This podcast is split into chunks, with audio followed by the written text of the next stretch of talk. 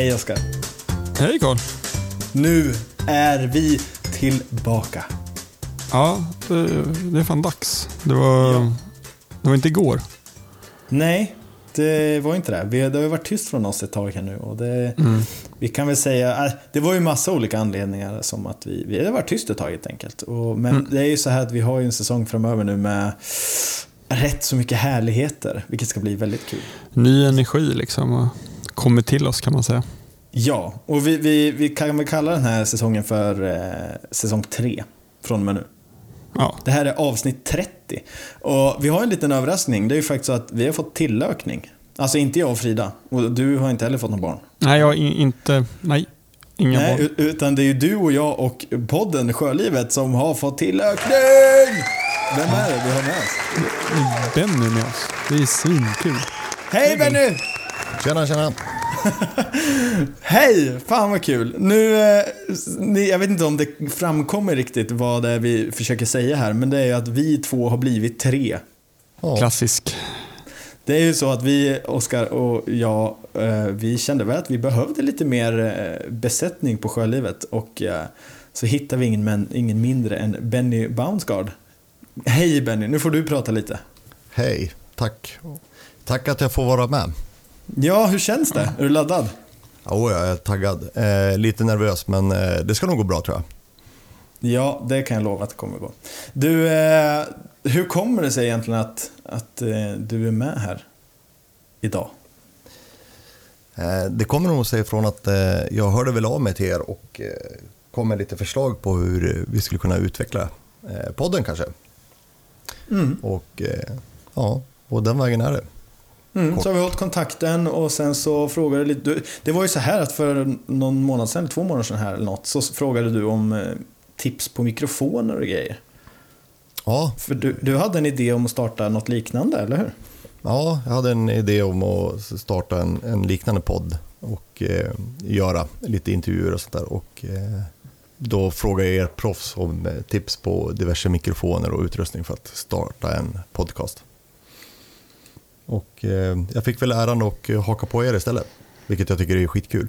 Så det blir bra. Det, ja, och det är nog vi som har äran att ha dig här tror jag. Eh, Ja, nu är vi alltså inte bara två utan nu är vi tre, vilket innebär att vi kommer... Eh, ja, helt enkelt att vi är tre som bidrar med innehållet till, det här, eh, till den här podden. Och för det är ju så att hela tanken med det här är att sjölivet är till för alla. Så om det är någon mer där ute som känner att Nej, men jag har saker att bidra med.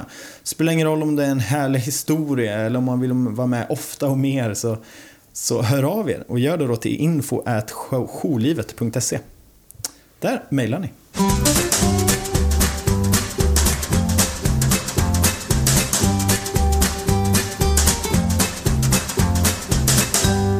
Det är ju superkul att du är med Benny och eh, vi alla tre sitter på lite, på lite olika ställen. Jag sitter ju på Södermalm i Stockholm och Karl du sitter i, i Linköping. I den här nya trendiga miljöstadsdelen där. Vad heter den? Ja, Vallastaden. Vallastaden. Oj, det är, det är bra grejer verkar det som. och, men Benny, vart, vart sitter du någonstans? Jag sitter i Västerås. Västerås. Det, Ja. det är liksom en, en tredje sjöstad. Eller ja, Linköping är väl ingen sjöstad, men du kollar från Sveriges Motala största småbåtshamn är det till och med. Är det så?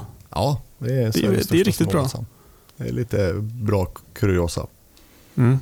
Fun fact. Ja, Ja, men, vi- eh, Vi konstaterade ju igår här att ingen av oss eh, håller ju till i samma pöl.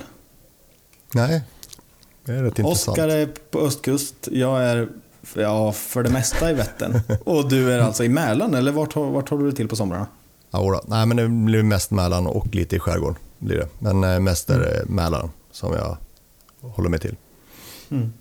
För det är ju faktiskt så här att eh, Oskar och Benny, ni har ju faktiskt inte träffats eh, på riktigt. Och nej. det är ju inte så att jag, du och jag känner varandra jättebra heller Benny. Så att eh, det här är ju lite kul, extra kul för oss och alla lyssnare. Så vi tänker att, eller jag tänkte och Oskar tänkte att vi vill ju lära känna dig lite. Så kan inte du bara berätta lite kort om vem, vem är Benny Bounsgaard?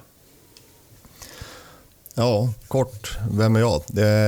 Jag är väl en klassisk båtnörd som älskar sjölivet och båtlivet. Eh, Jag är väl inte uppväxt med båt och hållit på med jollekappsegling eller något sånt där, utan jag hittade båtlivet i vuxen ålder. Men eh, annars, eh, ja, barn, tre barn. Bor i hus och villa och Volvo, men ingen hund. En. Än i alla fall. så men det får vi se när hunden kommer. Men eh, det, vi väntar med den ett tag. Men du hade väl en tanke med att inte skaffa hund? Var det inte så? Ja, men alltså min, min filosofi är att skaffa över hund så kan jag inte ut och långsegla. Det är, då, då kommer jag ju inte iväg. Så, det, det har du för... så då håller jag mig borta från hund ett tag. Mm.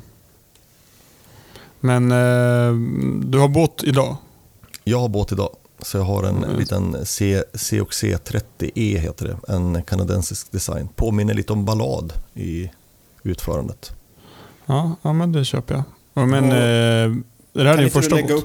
upp, kan inte du lägga upp en bild på den här båten eh, på hemsidan så vi får se allihop? Självklart ska jag lägga upp en vacker bild på den. Den är Bra. så. Vad, vad sa du Oskar? Eh, jo, men eh, är det här din första båt Benny, eller har du haft fler innan? Nej, jag har haft, eh, det här är min tredje båt. Så min första båt var en Scanmar 25 som jag köpte på måfå. Jag hade ingen aning vad jag gav mig in på. Utan jag- stod och kände på storseglet och tyckte att det, det prasslade bra. Och det var väldigt fina eh, färgglada rep som gick lite här och var på, på båten. Så, så den köpte jag. Och sen lärde jag mig att segla Ja. där. Och sen eh, tyckte jag väl att den här badbaljan började bli lite för liten när vi vart tre ombord. Då var det en Albin Delta som jag uppgraderade mig till. Mm. Och sen eh, sålde den och trodde att jag skulle vara kunna klara mig utan båt. Men det gick ju två år och sen tog abstinensen över. Så vart det en ny Ja. båt. Det blir så. Det blir Ja. så. Kul. Men eh, idag, båten står på land nu eller? Ja, det är är upp, 21 november idag. Ja precis. Nej, den, den kom upp tidigt så jag plockade upp den nu i, i mitten av oktober blev jag tvungen att ta upp den. Okej, ja. ja. Det är en han alltså? Ja, han, hon. Det, det, ja, den heter Capricorn, heter båten. Så jag, är lite, jag vill byta namn, för det, det, det smakar inte bra i munnen att säga Capricorn. Nej, det där båtnamn, det är, man ska inte reta havsgudarna allt för mycket med att byta båtnamn för mycket. Det, det kan ju vara farligt. Det finns ju mycket sådana här hörsägen och historier och sjörövarmyter. Tror du mycket på sånt? Nej, men jag tycker, jag ty- tycker traditioner är, är kul. Så eh, vi har väl diskuterat här länge hemma om, om vad vi ska döpa om den till. Eh, vi har väl haft allt från eh, ja, vi har haft allt från till, till så här klassiskt som Nova eller Lova eller någonting sånt där. Mm. Men när vi väl har bestämt oss så ska vi väl ha en så här riktig namngivelseceremoni med båten och krossa lite skumpa och, och sånt där. Ja. nice. ja, men det är bra. Men du, i somras här så pratade jag och Oskar om det här med att ha flagga uppe på nattetid eh, och sådär på båten när man är ute. Hur ser du på det? Mm, ja men alltså lite av och till, jag vet inte. Eh, visst kan det vara lite kul med ceremonier och plocka ner flaggan så här, men jag vet ju själv att jag är för jäkla lat ibland så jag låter den bara sitta på. Så länge jag är ombord så ska flaggan vara uppe i topp. Ja, det, det, det låter bra. Mm, klokt. klokt. Ja. Ja, men annars måste man ställa tiden och nej, det, nej, det, blir, det blir fel. Då är det bättre att låta den sitta. Så, så länge kaptenen är ombord så är flaggan uppe. Hur har det gått med upptagningen av båten då? Det har gått bra. Det, det, jag bokade en tidig, en tidig tid för att eh, i lugn och ro täcka och, och göra lite små grejer som ska göras eh, innan vintern här. Så. Men det har gått bra. Alltså, I Mälaren så är det inte så mycket med beväxtligheter och grejer utan det är bara att spola av den och sen är, det, sen är den klar. Ja, vad är det för sådana här små grejer som du sa? Vad är det i, i, ja, i kort och gott, vad är det man behöver göra när man tar upp båten? För det är ju det alla egentligen har gjort nu, nu de senaste, den senaste månaden. Eller så. Nu, nu är hamnarna tomma så att säga. Men vad är det man behöver göra när man väl har tagit upp båten? Ja, nej men det, det är väl, egentligen är det väl plocka ur den och se till så att allting är fint, eller fint, att okej, kontrollera skrovet, att det ser bra ut och sen är det ju givetvis vinterkonservering av, och i alla fall om man har en inombordare som man inte kan ta med sig hem, vilket man inte kan, men i alla fall vinterkonservera motorn, det är väl det viktigaste. Har du något trädäck på båten? Nej. Ja, och jag har lite teakdäck i sittbrunnen som jag har täckt. Men eh, annars har jag inget. Oskar då, hur har det gått för dig? Jo, men det gick bra. Det varit ganska tidig upptagning i år. Eh, I och med mitt jobb och sådär. Jag har ju flängt runt väldigt mycket i landet. Um, så det, det passade att ta upp tidigt. Uh, och det var, det var spännande år för det varit väldigt lite påväxt i vår, i vår vik. Det är fyra båtar som vi har där vid vår brygga. Och eh, Varav den, en är en sån liten jolle, då, eller ja, en liten roddbåt är det, som, eh, som inte har någon bottenfärg alls. Och inte ens på den var det påväxt. Oj. Så att, eh, det är någonting som har ändrats i år, så det var nästan ingenting alls. Så det var, ju, det var jätteskönt. Så. Behövde inte skrapa någonting. Det var lite på pappas båt tog vi upp senare. Den tog vi upp i början på oktober, en motorbåt. Och där var det på, ja, på drev och propeller och på, eh, på trimplanen så var det. Men i övrigt så var det lugnt. Ja, för det här skiljer ju våra olika pölar åt och hur vi faktiskt, eh, när vi väl tar upp båten så kanske, eller jag och, och du Benny, vi kanske gör ungefär samma saker när vi tagit upp, men Oskar vanligtvis då brukar kanske göra, mm. behöva göra lite mer, ju... för att det är det här med bottenfärg och sådär. Och ha, mm. egentligen havstulpaner, att det växer på båten. Mm, precis, under havstulpanerna, om man får, eh, då ska man ju skrapa bort dem på en gång. För att medan de är blöta så är de lätta att ta bort. Och vi brukar använda typ, alltså en vanlig isskrapa som du har till bilen. Det, det brukar vara bra verktyg. Och sen på vissa metalldelar så kan man ta ett, alltså en sickel. Och det går jättebra. Det har jag upplevt som är det bästa. Och Sen luktar man som någon gammal fiskargubbe efteråt. Liksom. Men det är, det är bara att gneta på där. Um, och sen är det om man ska, för att det är nu att man ska hålla på, eh, framförallt i Stockholms stad, så vill man ha bort alla giftiga bottenfärger på båtklubbarna. Och det man ska göra är att man ska slipa bort nu på hösten redan. För att få båten stå under vintern och torka ut ordentligt. Um, och Sen så målar man på nytt då i, i vår. För då får du ner fukthalten i båten. För äh, plastbåtar det, det suger vatten så det står fukt i. Och Det som händer är att man får sån här böldpest, heter det. Och då blir det ett större jobb. Mm. Ehm, så att eh, slipa nu och inte sen. Mm. Nej men för det är ju det här med, vi har ju pratat om bottenfärger många gånger och, och sen är det ju det här med att de, som du nämnde i Stockholms, eh, Stockholms län så pratar de om att man ska ha då giftfria bottenfärger och så vidare. Och sen har de även, har de inte en lite konstig rekommendation om hur man ska byta ut sin färg. Eh, Benny, har du koll på det där? Nej, tyvärr. Jag, jag vet att jag har läst någonting att man de försöker, eh, ja, det ju, finns så många olika skolor om vad man ska och inte ska göra så jag, jag är lite dåligt insatt i det där. Då jag inte drabbas av det där just nu. Men det här med blästring då, tänker jag mest på. Ja, men det var väl någonting att man inte skulle, man skulle undvika det här med blästringen. Att, eh, att det inte var bra att blästra för att det blir så mycket partiklar eller vad det var. Uh, Oskar, har du bättre koll? Mm, det som händer när man blästrar är att man skapar, du slår av fruktansvärt små partiklar. Så du får en jättestor reaktionsyta egentligen på giftet kan man säga. Så det läcker ut mycket. Ehm, även fast man bygger, såna här, man bygger som ett bås runt skrovet när man blästrar. Men det, det går inte att hålla tätt, det läcker alltid ut. Och Det innebär att du får en större spridning på gifterna. Ehm, så det man, det man helst ska göra det är att försöka skrapa då och slipa. Eller om man använder, det finns såna eh, kemikalier då som löser färg. Som du applicerar på och så låter du ligga ett par timmar. Och så, ja, så skrapar du så, då bort färgen. Eh, och då så lägger du typ en presenning under. Eh, och så samlar du upp alla gifterna och så lämnar du in det på eh, ja, återvinningscentral. Och då har du liksom väldigt, väldigt lite läckage. Det kommer ju alltid, liksom, det går inte att vara hundraprocentig men du, du blir bättre så. Mm. För jag vet att Benny, du har ju, när du köpte din båt så låg väl den, eh, det var inte en Mälarbåt från början, eller hur? Nej, jag köpte den i Göteborg så jag fick ju, förra året så fick jag ju ta det här underbara jobbet och, och skrapa bort all västkustfärg från, från båten. Då. Så det var ett gediget hästjobb kan man väl säga. Hur lång tid tog det?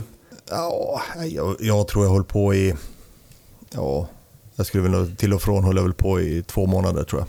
Men det var ju, jag hade ju inget bråttom utan det var ju egentligen ut och skrapa. Jag tog så fönster, eller färgskrapa och sen stod jag och skrapa och det bäst, mesta av färgen och sen stå och slipa med grovt slippapper med slipmaskin. Så det bästa sättet är egentligen att om man nu skulle köpa en båt på västkusten och ta in den till en sjö eller östkusten så bästa är väl att bjuda ett gäng polare på öl och pizza och sen kör man. Och så kanske man hinner på en dag. Kan det vara så? Ja, det kan det vara. Men då gäller det också för att de vet om att de kommer. Så de inte Ja. får för sig och, och hamnar någon annanstans. För det, det, är ett, det, är ett, det är ett slitsamt jobb alltså. Ja, det får bli många pizzor. många Ja, det går ut många öl och många pizzor. Blir det, för det är jäklar vad man får slita för, för de där kvadratmetrarna. Alltså. Det, men eh, ja, det, då har man i alla fall någonting att göra för att driva tiden på. Nice. Hörni, vi går vidare.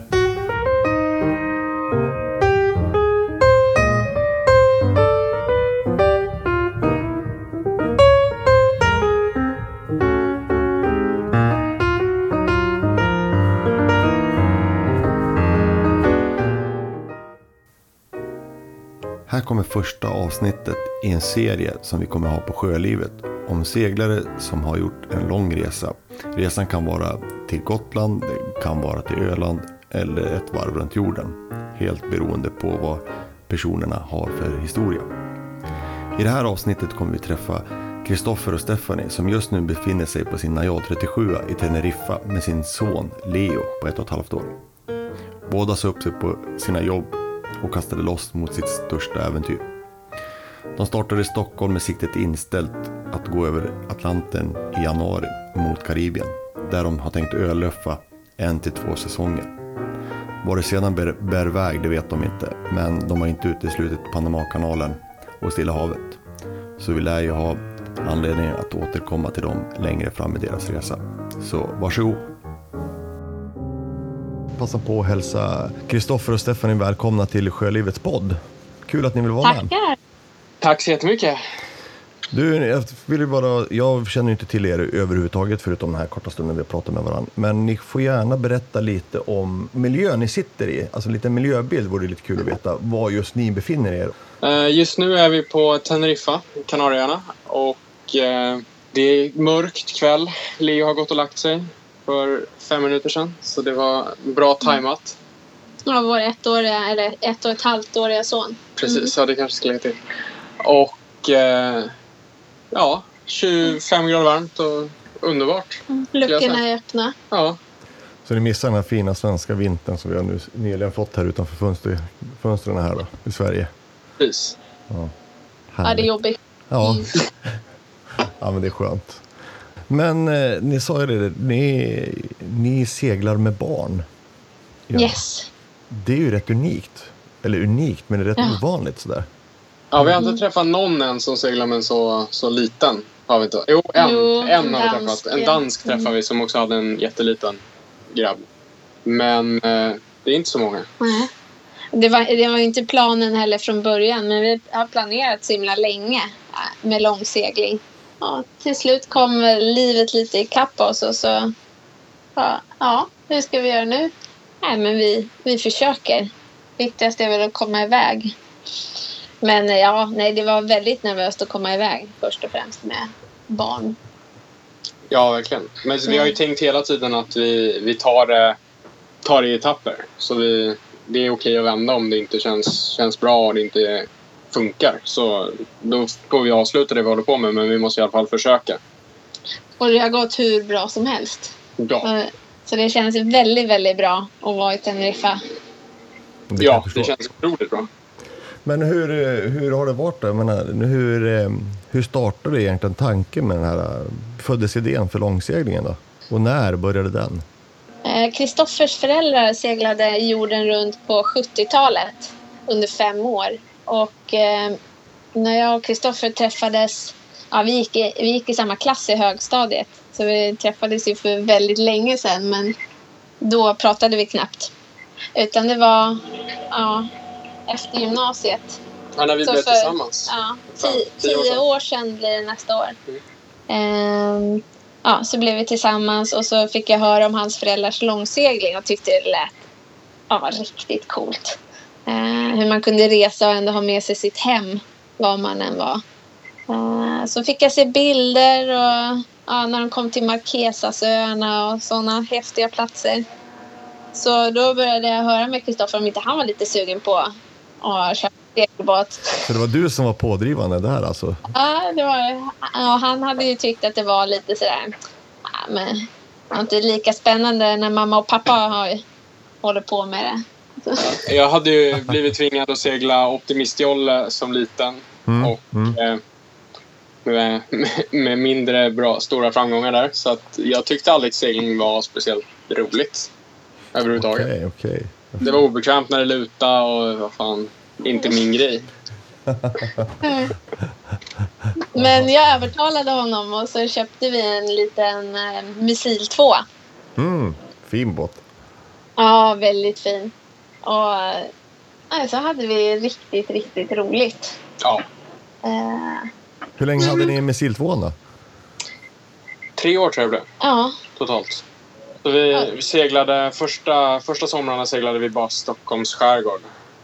Egentligen. Mm. Alltså vi seglade ju jätte... Vi, ibland så tog vi ut båten och seglade ett varv runt ön där vi nej, hade den. sju varv. Ja, det sju varv körde vi som mest bara för att det var...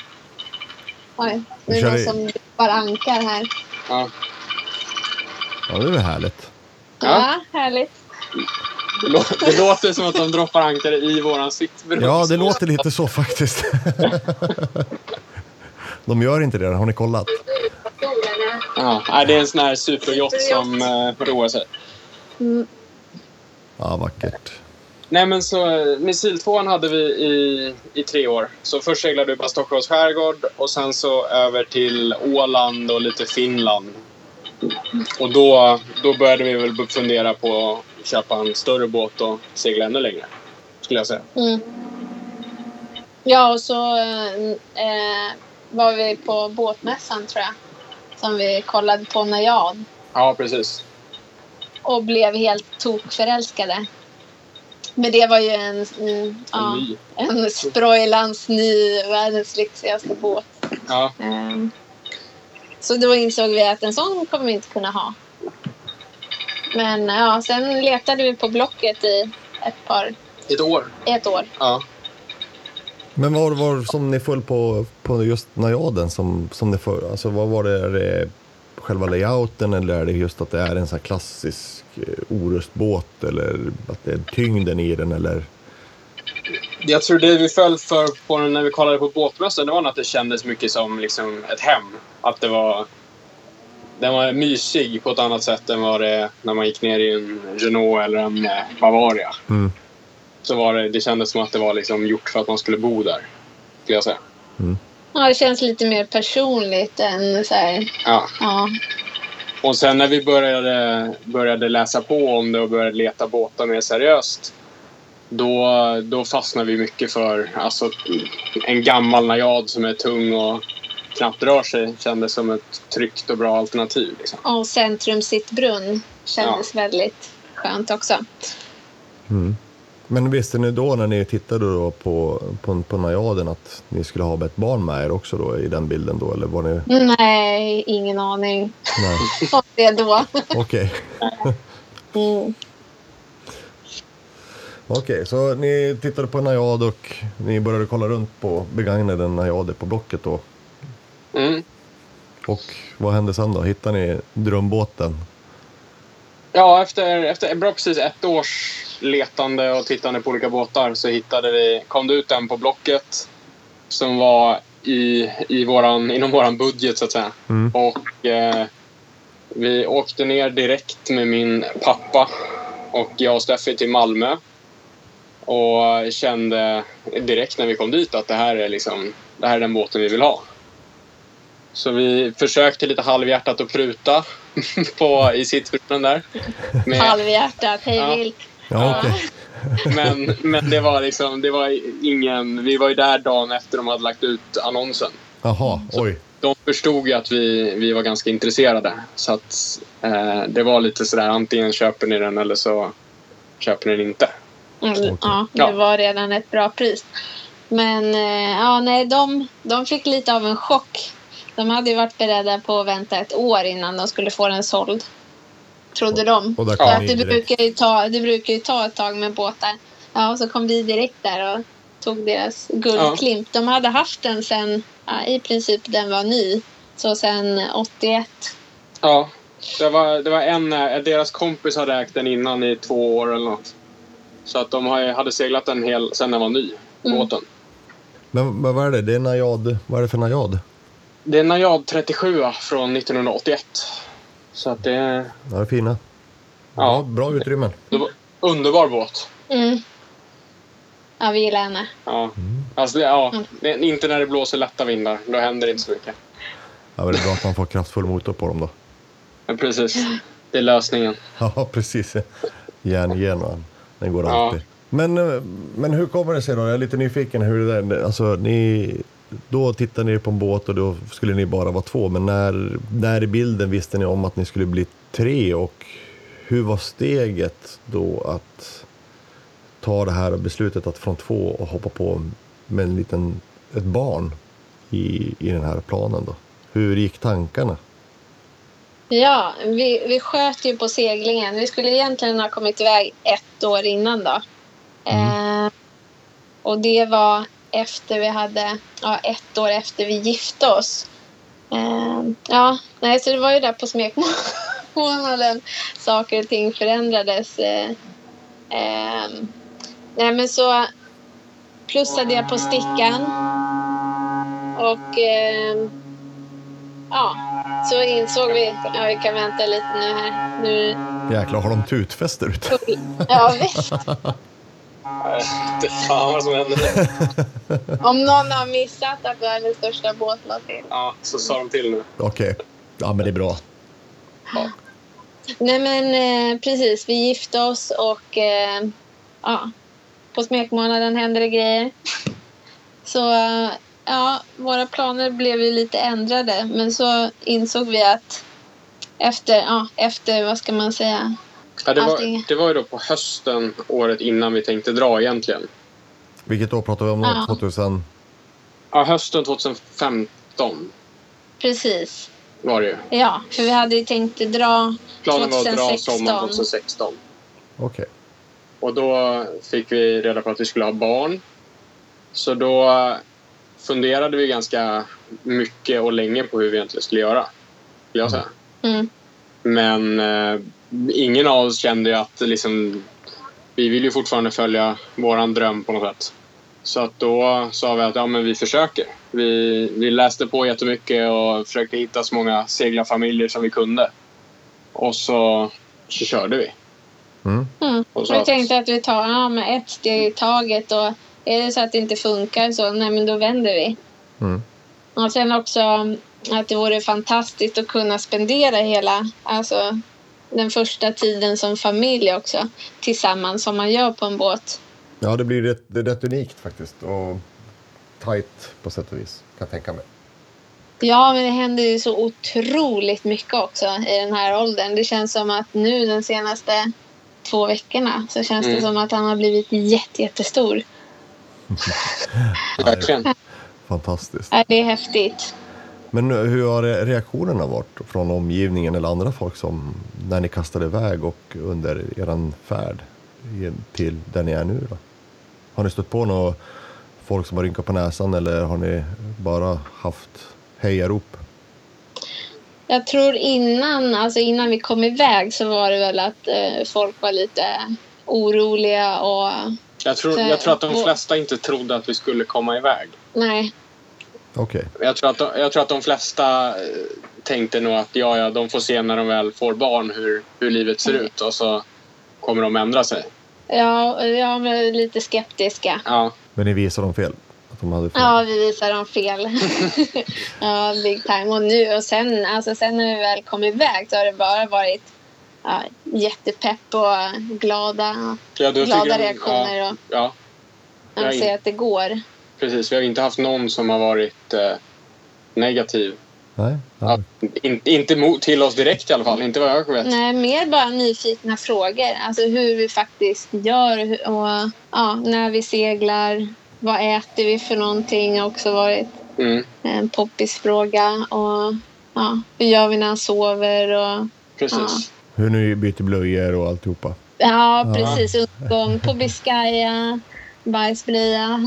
Ja. Det gör man då. Allting löser var, sig. vi hade ju en... Vi seglade över Biscaya så hade vi träffat en annan svensk båt också. Som seglade på en... eh, Vad var den? 31 fots gammal Halberassi. Skapelse. Men de, eh, de var fem stycken ombord. Oj. Så Ja, tre, precis. tre ganska stora döttrar och Mm. två vuxna. 8, 11 och 17 år. Eh, och de, eh, vi, vi satt och tänkte att gud vad stackars de som får klämma ihop sig på sin lilla båt. Och de satt bara och tänkte att stackars eh, de som måste byta bajsblöjor mitt, i, mitt i den här skiten. Handlar om perspektiv. Precis. Ja. Ja.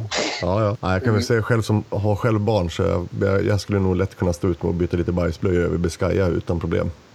Mm, Ja, Det, det var, det var helt okej. ja, det var inga helt okej. varje dag. Man, man klarar det. Mm. Man blir förvånad över hur mycket man klarar faktiskt. Ja, men det där är ju rätt fascinerande. Ja. Jag, vet, jag tog ju hem min egen båt en gång eh, från Göteborg och gick Göta kanal. Jag har ju båten i Mälaren och inne i Västerås. Så jag hade min mellersta grabb som är då fem år och var med vi var ute i tre och en halv vecka. Det var ju så här, för han var det ju inga problem utan de infinner sig de där små barnen. De följer ju med, de är så följsamma de där små. Mm. Ja, ja, alltså så sanslöst anpassningsbara. Ja, så Ja. ja, Det är det, är häftigt. det är jäkligt häftigt att se. Så, Ja, han passar ju sig bäst skulle jag säga. Alltså snabbast var det ju. Ja, Det tog ju ett alltså, förvånansvärt långt tag skulle jag säga innan jag kom in i alltså, hela den här långseglings ja, livet och anpassa sig och gå från att ja, men jobba 100 procent till att plötsligt ja, inte Mm. ha ett jobb, långsegla och byta länder hejvilt. Och, mm.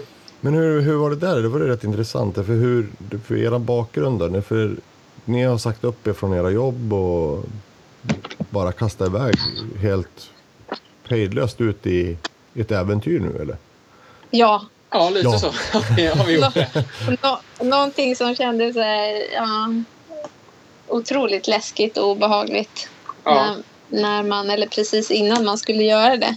Men som nu inte, ja, nu känns väldigt bekvämt och härligt. Ja, det känns helt rätt. Mm. Det, det känns väldigt bra, hela det här livet. Mm. Och innan vi, innan vi sa upp oss så kände ju båda två att det var, det var dags att, att gå vidare och byta jobb. Mm. Så hade vi inte gjort det här så hade vi förmodligen sökt, sökt nya jobb och kanske bytt äventyr på det sättet. Okej. Mm. Ja, jag jobbar som grafisk formgivare. Så jag, Ja. jag jobbar som revisor innan jag, innan jag slutar. Och nu under seglingen så håller vi på och ja, vi kör ju en vlogg. Mm. Eh, och båda tycker det är otroligt kul med film och sådär. Men det är en oas av vad man kan lära sig och vad man kan göra i film. Så nu är det jättekul att bara sätta sig in i det och ja, jag får utlopp för min kreativitet och, Ja, och jag, du, jag med. Du, och du också. Ja, Det finns ju en uppsjö av bra kanaler nu, nu i alla fall på Youtube som har ploppat upp som, som man kan få inspiration ifrån och om, också drömma sig bort ifrån. Ja, men oh ja. Men sen blir det också, alltså det blir ju vårt jobb eller vad man ska säga, alltså vår sysselsättning.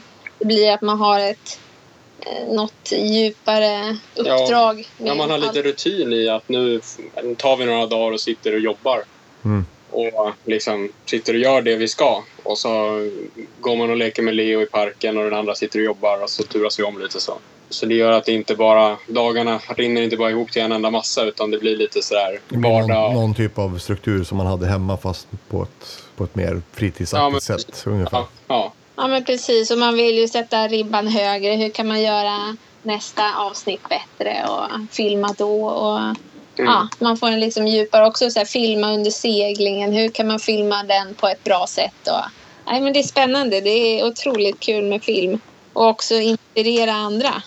Ja, det finns ju det, det, det är ett intressant format det här med som just Youtube re- levererar också. Man kan, vem som helst också kan bara lägga upp vad, vad som helst. Och det, finns ja ju, och det finns ju allt möjligt från väldigt proffsiga bra folk som lägger upp till väldigt mindre kanske seriösa produktioner eller något sånt där.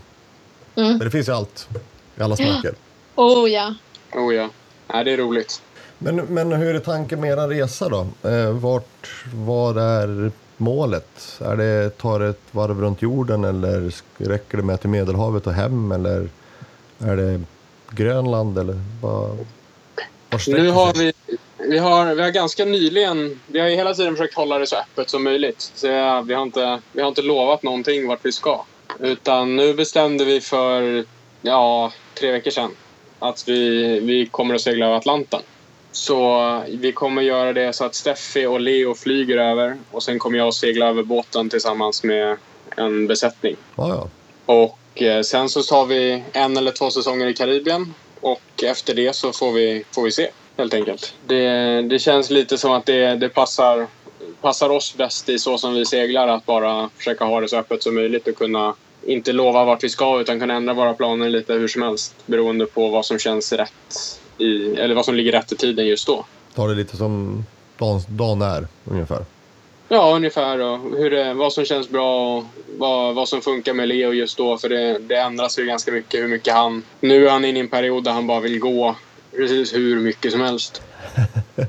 Ja, vi seglade ju fyra dygn från eh, Lissabon till Madeira. Ja, Och ja, han vart ju rätt frustrerad över att någon hela tiden skulle hålla, hålla i. precis. Han har ju, nu vill han ju kunna gå själv och tycker det Ja. är kul. Och han har precis börjat springa lite grann. Han tycker det är värdelöst att någon ska hålla en hand på honom precis hela tiden. Det, Ja, det, var inget det, bra är, grej. det är inget Nej. roligt. Nej. Det är det inte. Nej, så det passar ju bäst med ja, li, lite kortare än fyra dagars seglingar. Ja. Ja, det blir ju trevligt att ta sig över Atlanten. Ja, det ska bli superspännande. Jag börjar bli riktigt, eh, riktigt peppad. Mm. Men har ni satt något datum när ni går över då eller? Eh, vi har sagt första veckan i januari. Oh, det är ju rätt snart ändå ju. Ja, det, det närmar sig. Det går, det går fort nu. Det går Och fort listan är lång, så att eh, det blir spännande.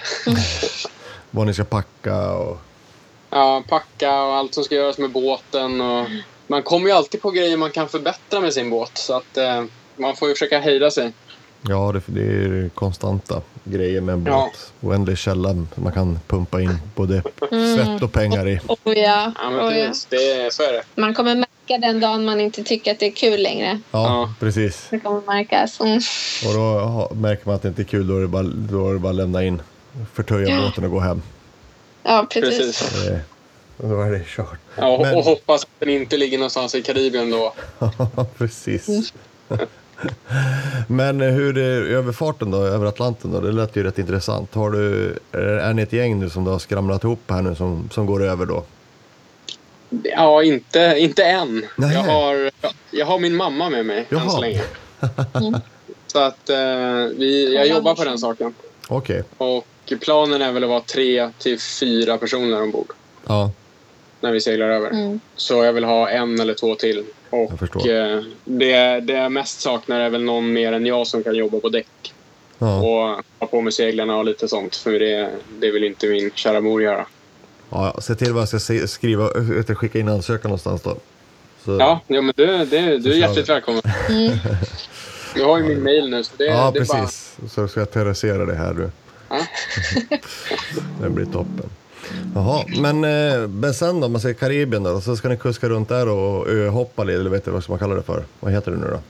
Nu tappar jag ordet. ja, ja, precis. Island hopping, vad heter det? Ja, ja det, öhoppa var en bra Öhoppa. översättning tycker jag. Ja. Öhajka, nej vad heter det? Ja, Öluffa. nej. Öluffa. heter. Öluffa heter det, Öluffa, precis. Mm, just det. Så det blir våran eh, ja, vår fram till eh, slutet maj någon gång. När orkansäsongen drar igång där. Och då tar ni ner hem då till Sverige eller ska ni hålla er någon annanstans i... Planen nu är väl att, att lämna båten någonstans runt eh, Grenada eller Trinidad och Tobago. Mm. Och sen så flyga hem över sommaren. Okej. Mm, ja, så kommer vi väl få se hur det ligger till med pengarna, hur det ligger till med Precis. ja, om man har ändrat sina planer, om, vad man känner för Karibien också. Ja, Jag har ju en bild av det. Det ska bli väldigt spännande att se hur det faktiskt är. ja verkligen. Och nu har det har ju varit alla, alla orkaner, och Orkaner. sånt också. Så det är också ett visst orosmoment i hur, hur det faktiskt är när man kommer dit. Ja, Hur mycket som finns kvar. Ja, men de har ju byggt upp rätt mycket vad jag förstod också. Att de har ju lyckats rätt bra med att komma upp på fötterna vissa öar i alla fall. Ja, det, det brukar ju gå väldigt fort för dem att komma på fötter. Så man, vi hoppas ju på att det liksom är... Man ser väl spåren av det, men det är inte något som egentligen påverkar att man kan vara där. Ja, Som eh, Kristoffer jobbade som dykinstruktör tidigare Mm. eh, och var i Thailand efter tsunamin. Precis, Okej. jag var där året efter tsunamin. Ja, Och det var, ju, det var ju helt sanslöst hur mycket de hade hunnit bygga upp och reparera och fixa. Det var, man kunde ju knappt se att det hade hänt. oj då. Och då, så att det, jag har ju en känsla av att det kommer att, kommer att gå bra. Men det är ändå det är något man funderar på. Jo, men visst är det så. Det är ju självklart. Mm. Det var ju rätt förrädiskt det som, som den, de orkanerna som gick förbi. Ja, det var en väldigt tuff säsong i år. Ja, precis. Så, Mm, ja, jättehemskt att se. Och så blir det ju annat. Man kan ju sätta sig in i det lite på ett annat sätt när man ja, själv bor i båten. Ja, Och förstår hur hemskt det vore att förlora sitt hem. Och, ja. Ja, det är ju allt man har. Alltså, det är ju ett hus har man ju, alltså, men, men som ni då som bor i en båt, det är, det, ni har ju verkligen bokstavligen allt i, i båten. Mm. ja men precis. Det, nej, det vore fruktansvärt att förlora den.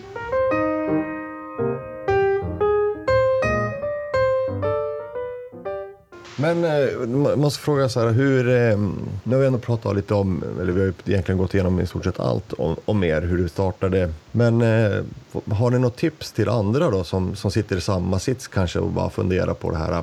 Eller är det bara egentligen att bara sticka och köra? Uh, vi, vi fick väl rådet när vi, vi kontaktade ju rätt många barnfamiljer som seglade. När vi började planera och började kolla på om det, om det ens var möjligt att göra det. Mm. Och då, då fick vi rådet att det var nästan lättare ju mindre de var att komma iväg och bara Okej. liksom göra det. För när de är riktigt små så är de ju... De har inte så mycket vilja. De säger inte emot utan de följer ju med och gör som man... Nästan som man säger i alla fall. Eh, så, och det har stämt jättebra. För han har ju anpassat sig hur bra som helst. Och det har ju inte varit några vänner och sånt att bryta upp från för hans del. Nej, precis. Utan han följer med, med oss och det är vi som är hans familj. Så att Ja, ja. det, det skulle nog vara mitt råd att försöka komma iväg tidigt snarare än att vänta tills det är skola och sådana såna problem. Och inte tänka, alltså, tänka för stort heller, för då blir det överväldigande. Det tyckte jag i alla fall. Att man liksom, att man, det är så många som säger att de ska segla jorden runt eller till Karibien eller så. Och det är sjukt långt. Ehm, och om man seglar med barn så vet man ju inte hur det kommer gå. Vissa blir sjösjuka. Eh, och är, det så att de är bara på dåligt humör och skriker och inte alls tycker om det, nej, då vill man ju inte fortsätta såklart. Och då är det skönare själv att bara tänka att man får se hur det går och ta lite. I bästa fall kommer man hela vägen. Men annars så är det bara viktigt att man har försökt. Ja, Och tänka i lite mindre etapper. Precis. Vi började ju med att säga till vänner och bekanta och, och jobb och alltihopa att vi skulle ta oss ner till Medelhavet. Okej. Då, då tänkte vi att eh, i värsta fall så kan vi alltid gå in och så kan vi köra kanalerna hela vägen ner. Ja. Och slippa se, alltså inte behöva segla med barn utan bara motorera. Ja, så då precis. tänkte det, det blir lite mer som att åka husbil med barn. Liksom. Ja, vi hade ju plan A, plan B, plan C. Ja. Oj. Ja, men det är seriöst. Ja. Ja. Så det, det skulle nog vara bästa tipset skulle jag säga. Och sen att man kan, alltså man kan ju fixa så otroligt mycket på vägen. Alla säger det, och, eh, men det är verkligen sant. Mm. Att vi, det svåraste är att bara komma iväg. Hela, hela Sverige skulle jag säga var det absolut svåraste för att det är så laddat. Man, ja, vi hade ju sagt upp oss från våra jobb. Eh, ja, en otrolig ekonomisk eh, vad ska man säga, Risk. eller? risk eller, ja, eller satsning. Vi har Ja. liksom sparat länge och lagt mycket pengar i båten och sådär. Man vet inte hur det kommer gå. Det finns ju liksom inga garantier och det ja, lagt mycket pengar på försäkring och hej och hå. Liksom. Så det är väldigt laddat i början för man har så många förväntningar och man vet inte om de kommer infrias eller så. Men så sen, så fort vi liksom lämnade Sverige så började det släppa. Och sen dess så har det bara blivit bättre och bättre. Och... Ni kommer aldrig Ja. kunna komma hem. Nej, Ni, ni kommer komma till Karibien så kommer ni bara stå och titta som bara, men där är Pana, Panamakanalen så då, hej då. Ja, det, det finns ju en del som säger det, att när, vi, när man har klarat att vara ute i tre månader så Så är då är det det. lätt att. Ja, frågan är om Kristoffers föräldrar är så glada bara att vi har snott deras barnbarn. Det är de som är inspirationen. Precis. Ja, fantastiskt. Vad roligt. Ja, ja, nej, men det är bra. Jag, jag, jag ska heja på er när ni går över Panama. Det, Ja, men det låter bra. det, Ja. jag, jag ska vara den största Kanske vi seglar med över Pacific sen också. Ja, jag är med. Herregud. Jag försöker övertala min, min kära dam här hemma att vi ska sälja huset och flytta in i en båt och sen segla jorden runt. Ja. Men eh, ja, jag får nog avvakta lite tag på det. Ja. Ja, men där har vi också någonting att tillägga. Eh, för det, det är oftast, alltså det är oftast män, eller det är mycket män i båtvärlden. Mm. Jo, men så är det ju. Eh, jag, har, eller jag har ju bara seglat i Östersjön innan vi kom iväg. Eh, Ja, ja, Kristoffer också för den delen. Mm. Men eh, ja, nej, det har varit lite intressant att se vad man har fått för reaktioner. För det är jag som, det är jag som styr båten när vi lägger till och, Mm. ja, och sådär. Och jag har ju fått, då är det ju ja, alltid. Jag har aldrig varit med om att det har varit någon kvinna som har varit och tagit emot eller någon sån där. Nej. Eller som har jobbat på marinerna eller så. Men då i alla fall, då brukar jag få ibland så här beröm och så bara ah, good girl, good girl. För, att, för att jag kan lägga till båten. Det hade ju Kristoffer aldrig Nej, det, någonsin. det är alltså aldrig någon Alltså- som hejar på mig när jag lägger till. Nej, Det är- nej, nej, men det ska de göra. Fast du lägger ju inte till längre. Men du gjorde det i Sverige. Ja. Ja, men där får, man får inga applåder för att jag lägger till. Nej. Nej, det är helt värdelöst. Ja, jag, jag vill gärna få lite så här, Ja. ja. duktig du är. Man får, man får bara mest, mest så här konstiga blickar från någon sur gammal gubbe som står och tittar på sin... Så här, funderar på om man är en hel idiot eller inte. Precis. Ja, så när det inte går så bra, då, Ja, ja, då... då får man höra det. Ja, men det var det en gång när jag skulle lägga till i Cuxhaven. Eh, då var det lite, det var lite struligt med, det blåste ganska mycket och det var lite struligt med hur eh, vårt vindroder påverkade. Mm. Eh, ja, så då höll jag på att snacka med Kristoffer eh, när vi höll på att cirkulera utanför platsen. Och då all, som alltid så har man ju många eh, som sitter och tittar på. Jo. Och då när vi sen hade lagt till, ja, då är det gubben bredvid vår båt. Han bara lutar sig fram mot Kristoffer och bara, ah, är det seglarskola eller? Mm. Ja, Ja, ja. gubbar alltså. Trevligt. Gubbar. Ja, men vad roligt, för det, det var faktiskt min... Jag tänkte jag skulle höra bara lite så här hur fördelningen är. Men nu fick jag lite nys här att det är du Stephanie som, som, som är skepparen. Alltså. Det är du som styr båten. Ja, men så har det inte alltid varit. Det var inte så i Sverige. Sen Nej. bytte vi. Det var efter två år kanske va? Vi bytte, Mm. tror jag. Nej, jag tror vi körde bara en, en, säsong. En säsong som, du- som ja. jag körde. Men det, det blev för mycket, för mycket svordomar Ja. och för mycket Jaha. eh, bråk när jag styrde. Jaha, det där får du utveckla lite. Det där var ju rätt att, intressant. eh, ja, det, dels så blir väl jag... Jag har väl inte fullt lika mycket tålamod skulle jag säga. För att eh, jag, jag, jag har en idé i mitt huvud om hur jag ska göra. Och sen så förutsätter jag på något sätt att Steffi förstår det. Mm. Utan att jag har berättat det för henne. Så det, det blev lite dumt ibland. Mm. Men så när Steffi kör så blir det mer att vi pratar om hur vi ska göra. Och hur, alltså, hur det kommer att gå till. Mm. Mm.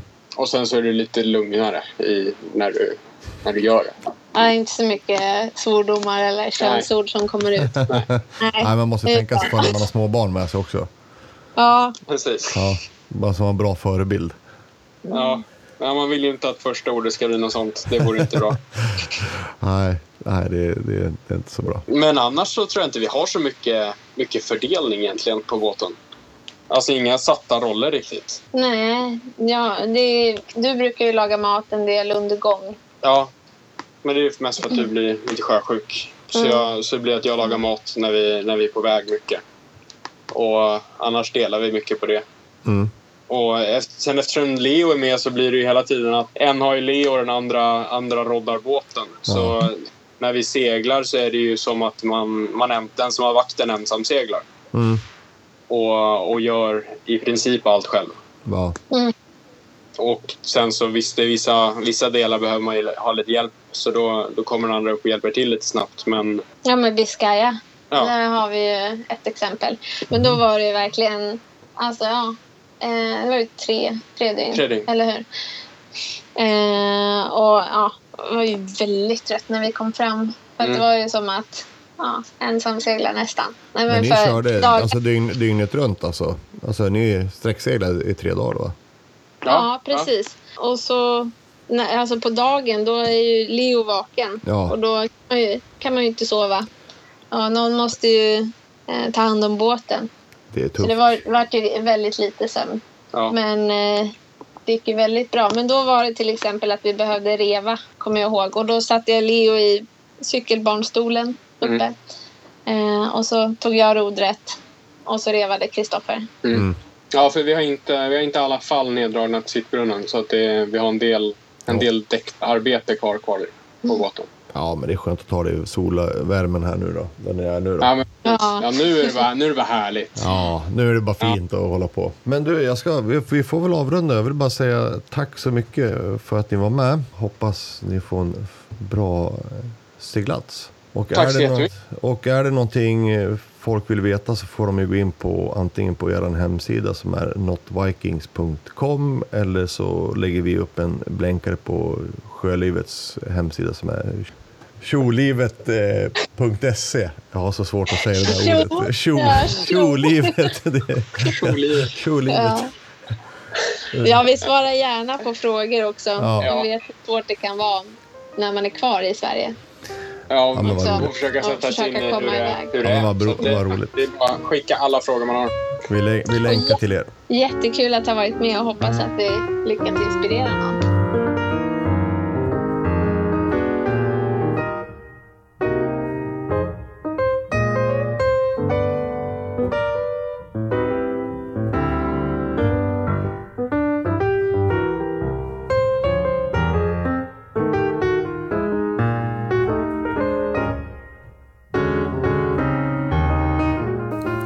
Senaste, eh, eller den senaste månaden är det väl totalt här nu, så har jag spelat ett mobilspel väldigt, väldigt mycket. Eh, inte för att det tar jättelång tid per gång, men det är många små gånger under dagarna som jag spelar det här spelet. Eh, och det är ju Volvo Ocean Race, eller Virtual, vad heter det? Någonting Sailing Virtual Regatta. Virtual Regatta. Ja, något sånt ja. Eh, där man, alltså man seglar Volvo Ocean Race och tävlar mot de riktiga båtarna fast jag kör vir- virtuellt då mot 70 000 andra eller vad det är. Eh, kör ni det här eller? Ja, då, jag provar mellan blöjbytena. Det går inte så bra för min del för jag går på grund hela tiden. För jag hinner aldrig logga in och, och byta kurs eller byta segel. Så jag är, nog, jag är nog sämst tror jag på det här. Ja, jag har inte spelat, men jag kanske ska pröva köra nästa ben. Alltså jag vet ju de här som är riktigt seriösa som äh, alltså sitter med routingprogram och skriver koder och grejer för att som hjälper till att styra. Och, alltså du måste ju, de som är riktigt bra, de, de sitter och håller koll på vädret. för Man ska ju fan jippa på Alltså det ska vara på rätt minut. Så du ska Mm. sätta den där jippen för att träffa rätt vind för att få bäst vinkel. Alltså det är riktigt, ja, jag har sett en hel del om det där. Det är riktigt äckligt jävla nörderi. Det är ett djupt Ja. hål att trilla ner i, virtual regatta. Ja, han som vann tyckte jag var lite kul att han hette Your Mom. han, han vann förra benet. Men, eh, nej, men det är som du säger, det, det verkar ju vara många som går in för det helhjärtat. Men vi har ju en väldigt bra svensk faktiskt som eh, är jävligt duktig på det där. Eh, Virtual Regatta Volvo Racet faktiskt. Alltså? Ja, eh, det är en, eh, jag vet inte, 17 vad han heter, Svea Sailor tror jag han heter. En Ah, vi, som- vi följer honom på Instagram tror jag. Så du, Ja, precis. Han kappseglar en, eh, han hade väl en, en, en eh, Express han kappseglade med och nu Ja. har väl en Merges 24 tror jag. ja. Ja, men det, Jag trodde först att du menade Martin Strömberg. Det, det riktiga.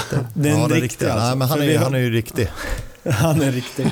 Men för det är så här, lite kort då, för de som är lite nya här i podden. Vi pratar alltså om en tävling som heter Volvo Ocean Race. Benny, vad är Volvo Ocean Race? Ja, Volvo Ocean Race är väl eh, ja, en av de i alla fall mest hypade eh, offshore-racen som är. Och det är ju så här, Nu är det väl nytt för i år, det är väl entypsbåtar, 60-fotare som de seglar. Så alla båtar är exakt identiska, så det enda som skiljer är väl hur besättningen sköter båten. Så det blir väl lite enklare att, att följa upp och se hur, hur man tar sig fram då. Och det är väl åtta ben de har för att ta sig runt eh, jorden då, som de drar. Mm. Åtta eller Ja, det är- något sånt. Ja, och det, det är, vad heter det, förra upplagan var det också entypsbåtar, men båtarna är väl lite uppdaterade till i år. Men det som framförallt har hänt är väl eh, att reglerna förändrats med besättningen, hur den är uppbyggd, som gör att det gynnar att ha en mixad besättning. Så att det är ingen båt där det bara är eh, bara män eller bara kvinnor som båtarna var förra året, utan nu är det blandning. Och eh, Den båt som Martin Strömberg, Martin Strömberg seglar på, då, eh, Turn the Tide and Plastic, den var ju enda båten med kvinnlig skeppare. Hon heter ju Dee Kafari. Och hon har gjort, det är hennes tredje Volvo. Hon Eh, körde på så- Team SCA förra året va? Ja, och så jag kommer inte ihåg vad den där uh, Maiden tror jag den hette. Men det var typ på 90-talet någon gång. Det var en helt kvinnlig båt också. Eh, så det är skitcoolt. Det är en jäkligt häftig tävling och som du, du nämnde, eller vi har ju nämnt hans namn några gånger nu, Martin Strömberg. Och vi gjorde ju en intervju med han i ett tidigare avsnitt, jag kommer inte ihåg vilket. Men det var ju också väldigt intressant och han berättar ju historier från de här eh, seglingarna runt jorden. Han har seglat på val och allt möjligt sådär. Så det är väldigt eh, intressant och spännande att lyssna på. Eh, men vi, är det något speciellt lag ni hejar på? Benny, börjar du? Ja, det är väl eh, 11 hours, alltså eh, team eh, Vestas. Det är, väl, eh, det är väl de jag håller på. Det är ju De som mest- gick på grund förra året? Ja, precis. Så det är sympati för hur de lyckades eh, återhämta sig från förra racet. Då. Så nej, det, är- det, de håller jag på. Oskar? Ja, men jag gillar ju eh, Martin Strömberg. Alltså, så att det är nog Third Tide and Plastic. Alltså, de ligger ju sist nu. Tyvärr. De ligger, jag sitter och kollar nu. De ligger 110 distans bakom Mapfree som leder. Så att, ja. ja men eh, Vestas är också sjukt. Sen är det ju liksom att är de hejar på, men det, egentligen för mig det, det spelar inte riktigt lika stor roll. Nej. Men det var ju skitkul om det gick bra. Men eh, det är, det är mäktigt att följa alla teamen. Liksom. Det är så jäkla hårt. Men det var ju intressant det här förra året, att Team Vestas gick på grund. För att de skötte det så extremt snyggt. Alltså halva båten, halva bakdelen på båten var ju helt borta. Eh, och de lyckades bärga den här båten väldigt, väldigt, väldigt bra. Och gjorde en världens PR-grej av det här. Så jag minns inte ens vem som vann förra året. Men jag minns hela den här Team Vestas PR-grej runt att hur de tog hand om sin båt efteråt. eh, Ur miljösynpunkt och sådär. Kommer ni ihåg vem som vann förra året? Eller förra året är det inte, det är tre år sedan. Ja, franska Team Brunel, va? Var det Brunel som vann? Ja, men visst var det väl det. Men det hette han väl inte Brunel? Eller vad fan, nej, jag kommer inte ihåg vad, han hette, vad de hette, men... Eller var det... Ja, Jag de... minns Nej. Ja men titta, det är det jag menar. Det är det exakt det jag menar. Det, Team Vestas game minns man ändå. Så det bästa är ju alltså att vara med och gå på grund. Det är så man vinner PR som företag. men det är också det här som Oskar nämnde, Martin Strömberg hejade du lite grann på, i, han- på hans eh, båt Turn the Tide on Plastic. Och jag håller ju med. Alltså det handlar ju lite grann om i dagens, eh, och vi har pratat mycket om det runt miljön också, att som idag så släpps det 8 miljoner ton plast i våra hav varje år.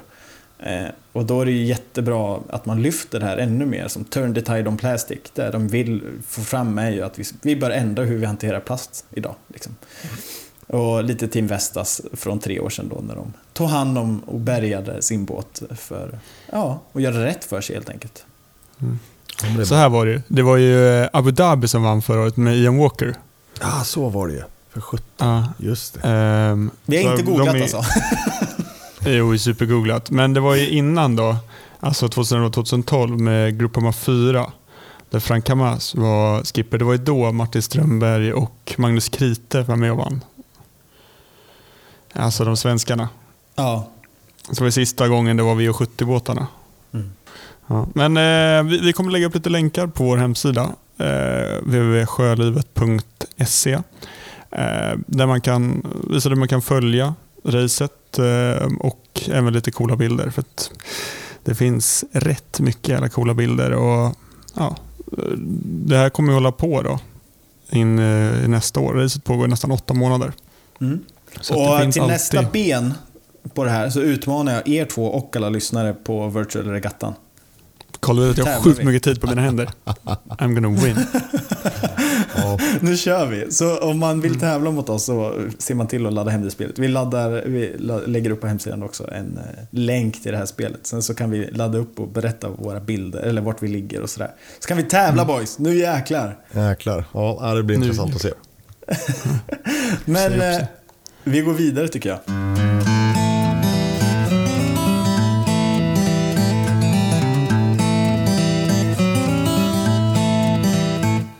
Ja, men då närmar sig väl det här avsnittet till slut. Men eh, det är superkul att du är med Benny och kul Karl att du är med igen fortfarande. Och att jag är med. Det är svinhärligt det här. Jag har längtat riktigt mycket. Så det var skitkul när vi började, när chatten började komma igång igen och det fanns en tredje människa där med. Och det som är riktigt kul är du att eh, du har mycket på gång Benny. Du har, ju, du har mycket intervjuer. Du har ju tog med intervjun till idag som eh, ja, det är riktigt spännande. Där. Men du siktar ju på att segla eh, OF Offshore Race, alltså Gotland runt i sommar, eller hur? Ja, eh, det stämmer. Jag ska prova på det, det också, hade jag tänkt. Så Ja. Och det blir, det blir med din båt va? Den Ja. COC. jag ska ta min gamla båt och Ja. slå alla, tänkte jag. Men fan, då är jag den enda som inte har gjort och, får sen då. Ja, Aj, aj, Måste aj, jag måste ta tag i det där. mm. Livet och sånt där. Nej, men skitkul. Och vi hoppas väl kunna följa Bennys väg till tillbaks till Vinst. Sandhamn. Till Ja. vinst och skaka skumpa på Sandhamn sen.